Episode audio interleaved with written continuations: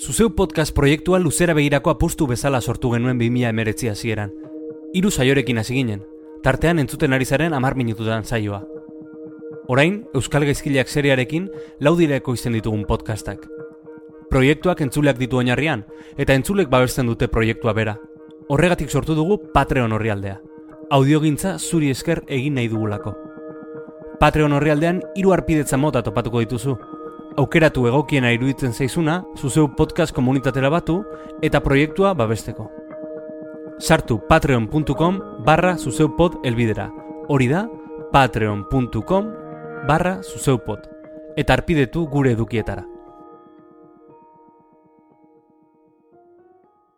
Azkue fundazioak babesten du, amar minututan. Kaixo, maite goni naiz, eta hau amar minututan da.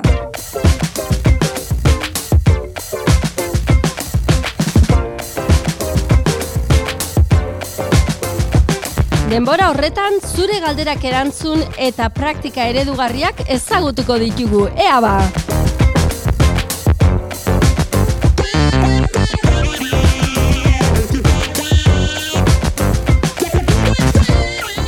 Kaixo maite, lehenengo zorionak amar minututan podcastan oso gai interesgarriak lan zain txuzuteta. Aurreko saio batin, zomitxartez ikastolan elkartiak landutako eki proiektun berri izan dunun, Bino, sare publikoko guraso ezela gai hauek e, kompetentzia digitalei dagokilena aleia, hezkuntza publikun nola antolatzen din jakin nahi nuke. Eskerrik asko. Azteko, mila mila esker galderagatik, zenbat gustatzen zaigun tarte honetan, ba, zuen galderak e, jasotzea eta eta albalima da erantzutea, ez da beti erresa baino kasu honetan, bai, galdera oso konkretua delako, ez da? E, eta gaina, ba, nuen nik ere buruan eta gogoa ba, ezagutzera emateko, e, aurrekoan egin genuen bezala ikastolan elkartearekin, ba, sare publikoan zertan da bizten, ez? Kompetentzia digitalaren inguruan, hau da, nola e, iristen dira garatzea edo e, bai, edo nola planteatzen duten garapen hori irakaslengan, ze formazio mota, nork ematen duen formazio hori, e, nola iristen den e, eskoletara, eta ez bakarrik hori ikaslei begira ere nola garatzen da kompetentzia digitala sare publikoan ikaslei dagokien ez badute zarrita profil bat, irtera profil bat e, zeinetan e, adierazten duena mm, derrigorrezko hezkuntza amaitzean ikasleek zein mm, gaitasun digitala izango duten. E, ba, horixe guztia nahi diogu galdetu gure urrengo gonbidatuari. Bai, izan. Bai, kaixo, Xavier. E, maite naiz, amar minututan saiotik deitzen dizut. Bueno, ba. E, azteko, e, berritzegunen nagusiko ikate koordinatzaia zaitugu ez da, eta badara matzazu funtzio horretan urte batzuk. Gurentzule guztiek ez dute jakingo zer dan berritzegune bat, agian hortik hasi beharko ginateke ez, eta zein da ikate bai. koordinatzaile baten funtzioa? Bueno, ba, berritzagunek azken batean egiten dute e, formazio zerbitzuak eta berriztapen nolabai proiektuen e, laguntza eman e, ikastetxei, e, zonalde bakoitzeko ikastetxei. Aha. Eta nire lana injustu da, bueno, ba, digitala e, arlotatik koordinatzea berritzegunetako ikate alkularien lana. Aha. bai. Orduan horrek esan nahi du tokian tokiko koordinatza, bueno, beste ikate dinamizatzaile batzuk daudela, ezta? Apoio hori ematen dutenak eskoletan eta bar? Bai, bai, emezortzi berritzegune dauzkagu, e, gure erkide autonomoan, eta, bueno, ba, emezortzi ikate alkulari hoien lana nolabait koordinatzen dugu e, berritzegune nagozetik. Aha, ba, e, gure saio honetan e, egon gara hitz egiten, bueno, batez ere hezkuntza eta teknologiaren ingurukoa da, eta asko hitz egin dugu eta zabal bai iaz, eta bai aurten ba, kompetentzia digitalaren inguruan, ez? Eta aurten jasotzen ari gara e, entzulen galderak eta bar, eta entzule batek dio, eo galdetzen zigun, ba, aurreko batean ikastolen inguruan eta eki proiektu digitalaz eta hitz egin genuen, eta berari interesatzen zaiola pixka bat e, jaki jakitea nola dagoen antolatuta, ba, ba uentxe esan diguzuna, ez? Sare publikoan, e, ba, bueno, nik usten dut esan diguzula, e, berritzegunen bidez ematen dela laguntza hori, baina bai, bai, nahiko genuke jakin agian, ba, nola iristen, nola planteatzen dan e, irakasleen kompetentzia digitalaren garapen hori, ez? Ziurtatzea, ba, irakasle garatzen dutela kompetentzia digital hori. Bai, bai.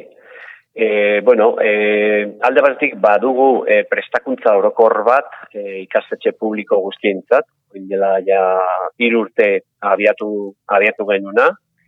E, ontan bi modulo eskaintzen dira, e, klaustro guztiei. Uh -huh. Alde batetik e, irakasleen kompetentzia digita, digitalak ezagutu, ba, diskon, Europako diskon markoa oinarrituta beti ere. Uh modulo bat, eta bestea e, ikasleen e, kompetentzia digitalen e, inguruan. E, ziberrik e, planteatzen duen e, irtera profilaren inguruan, bai lehen eskuntza, bai bigarren eskuntzarako. Bi modulo hiek eskentzen ditugu e, ikastetxe orotan. E, dagoeniko, nik uste, ikastetxe publikoen niko iruro hoiek egin dutela eta ikasturte honetan bukatuko dugu e, pentsatzen dugu netik euneko ikastetxeekin. Uh Gero bestaldetik, berrikuntza aldetik... Bai, etxoen, ba, eh, Xabir, igual, hobeto ulertzeko, e, modulo bai. eskaintzen dituzuela ze nahi du formazioa, aurrez aurreko formazioa orduko bai. purua, edo pixka gehiago e, zer, zer esan nahi du horrek? Aurrez aurreko formazioa dira, uh gure erkideoan e, zorionez e, zonalde bakoitzeko berritzegunea ditugu eta hoiek badute e, aukera ikastetxe guztietara joteko mm -hmm. ba, bai modulo bat eta bestea eta bueno, bezi berrin e, jasotzen diren beste kompetentzien ingurun ere ematen, ematen dako formazioa baina kompetentzia digitalen inguruan bi modulo eskaintzen dira. Eta e, derrigorrezkoa dira ikastetxe publiko guztietan. Vale. Bai, eta e, urrengoa ere, bueno, asizea moztu intzaitut, esan martzen duen beste zerbait, lehen? Bai, berriztapen e, ere mutik, e, bueno, ba, abiatu ditugu bi proiektu zareskuntza gelan, e, berriztapen proiektu bezala, eta entutasun teknologiko e, zertifikazioa ikastetxeen nolabait e, digital, digitalizazio prozesoen e, nola baite e, konstantzia edo uh -huh. e, auditoria antzeko bat e, egiten dare bai. Ah, Osa, que e, irakaslei pasatzen zaien zer da, proba test moduko bat, edo horrelako zerbait, edo e, kompetentzia e, erakutsi behar dute e, nola bait? Azkeneko ontan, diozu, bai, bai. Mm, teknologikoan, bueno, entuazun teknologikoan sartzen dira ikasetxe barnean eh, ematen diren e, hiru prozeso motak. Irakaskuntza prozesuak, nun kontemplantzen dira, bueno, ba, iskat, e, transizio digital ontarako e, zen nolako lanak egiten nahi dira, badibidez, programazio digitalizatuta daude, uh -huh. balia digitalak zenbateraino erabiltzen dituzten, e, ikasgelan ere zelako erabilera egiten dan gailu digitalekin, mm nolako ikasteko inguru, ingurune virtuala duten, mm -hmm. esparruan ere familien, familien izkentzen zaien formazia, hori pixka konstatatzen juten da, eta e, eunekotan nolabait e, zailkatzen da, orduan, e, segun eta noraino betetzen diren irizpidoiek, ba, ematen zai ikastetxei oinarezko maila, tarteko maila edo maila aurreratua digitalizazio nolabai prozeso de transizio. Ah. No, eta, eta ulertzen dut, e, orduan B mailakoek gero jarraitzen dutela, e, hobetzen eta hurrengo bat hartuko dutela, e, horrelako zerbait ez da? Hala da, bai, eta zara eskuntza proiektu sartzen diren, diren ikastetxoiek ere hartzen dute kompromisua maila zere igotzeko, e, bai itunpeko eta bai publika. Aha, e, hori zan, Xavier, hori nahi nizun galdetu baita sare es, badakit ba, sare publikoan, ba, sare eskuntzari buruz hitz egiten dela asko, bai. kontau, e, kontau guzu pixka bat, bai, zer den hori ez? Bai, bueno, eh, pixkat, eldutasun erdutik eh, kanpo edo gelditzen zitzaigun pendiente geletako ikas, irakas prozesoen mm. nolabait eh, hobetzeko eh, proiektua. Mm -hmm.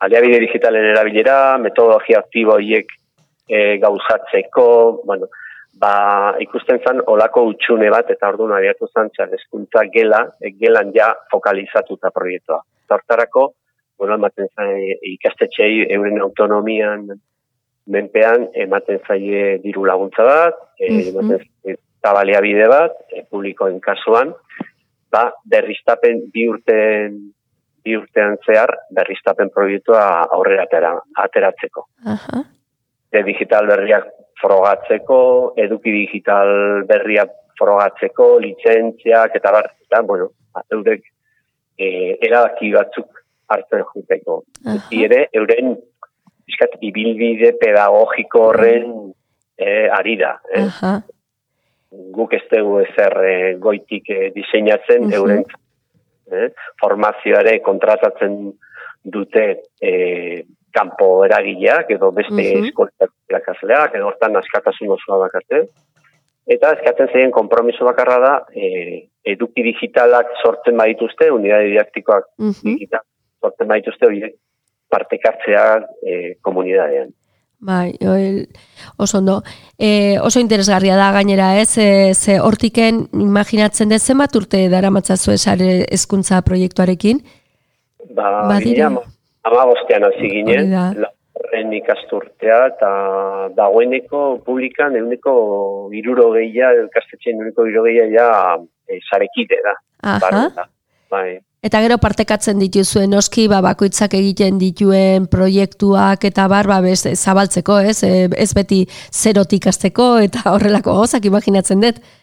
Bai, saiatzen gea, eh? baina uh -huh. hortan lan handien bat, yeah. eh? Uh -huh. animatzeko, eta, bueno, zuk ezagutzen dutzu, bai. gurean, bai. lotxa handia daude, oinarte ere plataforma komun bat ere e, falta izan zaigu, e, pentsatzen dugu aurki zabalduka dela, e, eduki digitalak eta horako biltegi antzeko eta horren inguruko sare sozial bate bai, orduan, bueno, haber, e, haber danak komunean jartzen ditugun, eta ematen dugu, bat batez ere, euskerazko edukiari ez da, bai. Ba, justu hori ematen du pentsamendua irakurtzen ari zarela, ze justu hori nintzen pentsatzen urrengoa hori ez, e, ba, egin direla saiakera kolako mm, repositorioak, kolako guneak, e, ez, azkenen ematen du irakasle guztik, e, adin guztietan ematen ari gara kurrikulum gutxi gora bera berdintxua, baliabide berdintxuak ditugu, eta den ba guztin gurpila asmatzen arituko bagina bezala, ez da, da sensazio bat, baina saiakerak egin dira, ez da, Xavier, eh, honen inguruan? Bai, bueno, hor da gau ere eima katalogoa, eh? Hori da. Dana egin dute hor, bai e, e, copyright produktu komertzialak eta reak edo eduki irikiak ere itzen dituzte, iralen egiten diren eduki digitalak, eta hori guztia hor dago katalogatuta. Hor... E, bilatzen dugu e, bilte, biltegi bat, baino horren gaineko sare sozial bate bai. bai. Gero eh, Komunikatu eta konpartitu alizateko, ez komunikazioa egoteko. Eta komunidadek ere sortzea, ba, esparruka, ez? Edo gaika. Hori interesgarria, oso. Eh, Espero, bai, urtean, bai, hori ja ikusiko dugula.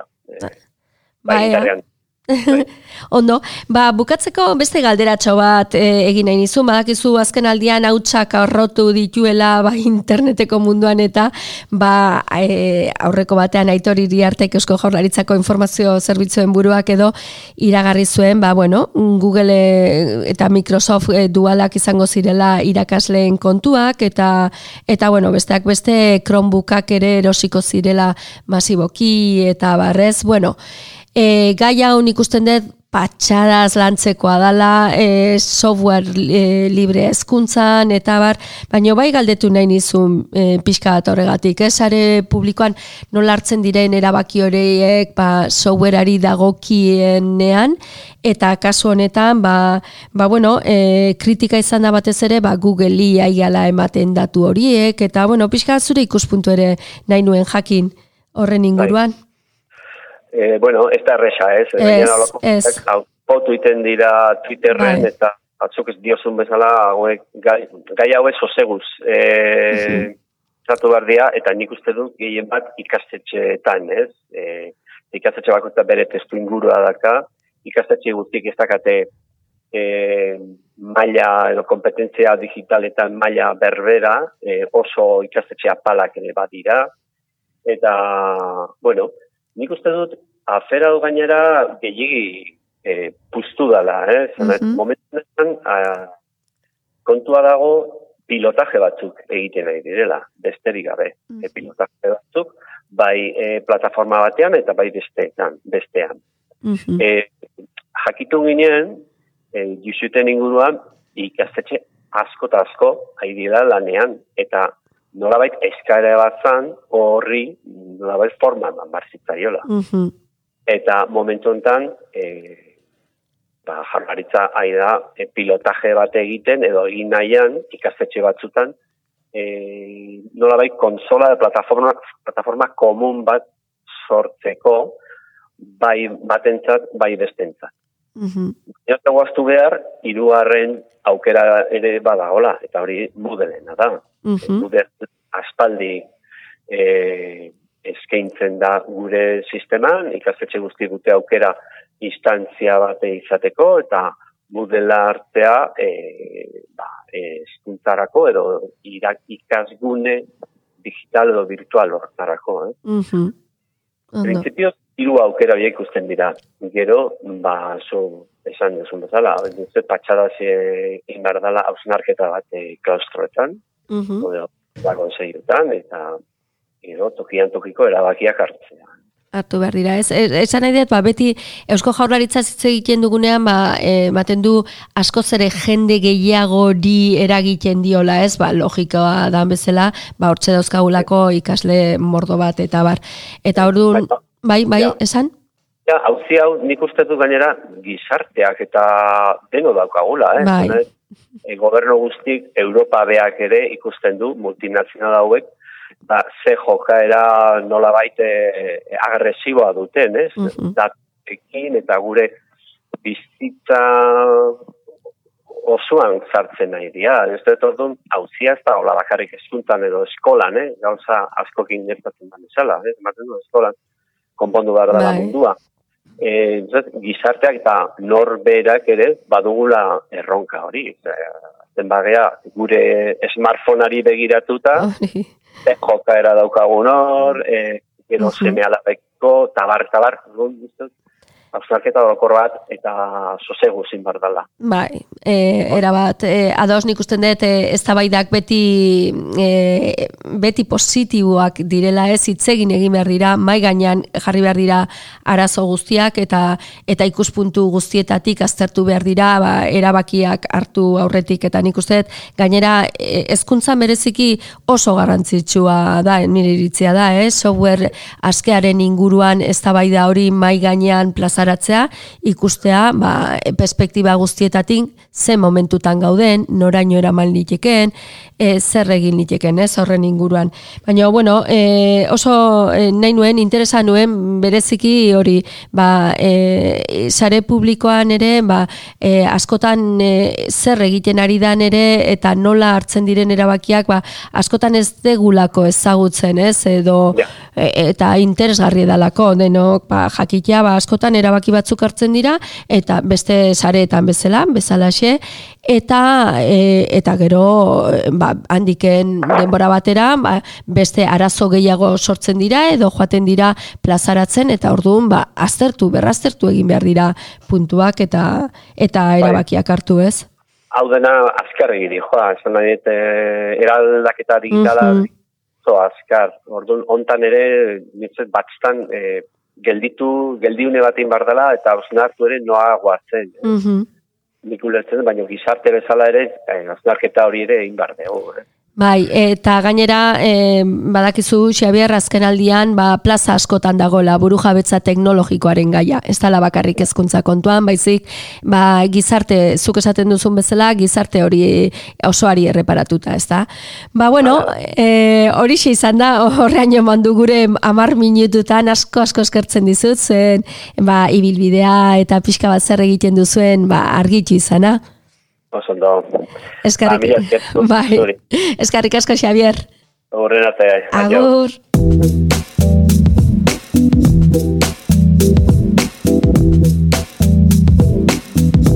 Xavier Mujika izan dugu telefonoaren bestaldean gaurko galderari erantzuteko eta Xavier esan dugun bezala berritzegune nagusiko ikate koordinatzailea da eta e, nik uste ondo lagundu digula ulertzen hobeto ba, sare publikoan nola garatzen duten irakasleen kompetentzia digitala, zerran edo zertan datzan e, ikastetxeetan egiten den heldutasun teknologiko horren bueno, frobari edo eta e, ba, gaurkoz hause izan da guztia gu zuen galderen zain garatzen gara urrengo saioak prestatzeko eta bitartean ba, badakizue sareetan bagaudela e telegramen ere en, badugula taldetxo bat, eta nahi bari mazuean bertan uz dezakezu zuen audioa, e, horrela errixago ekingo diogu galderari, eta besterik ez, oraingoz ondo ondo pasa, eta urren erarte.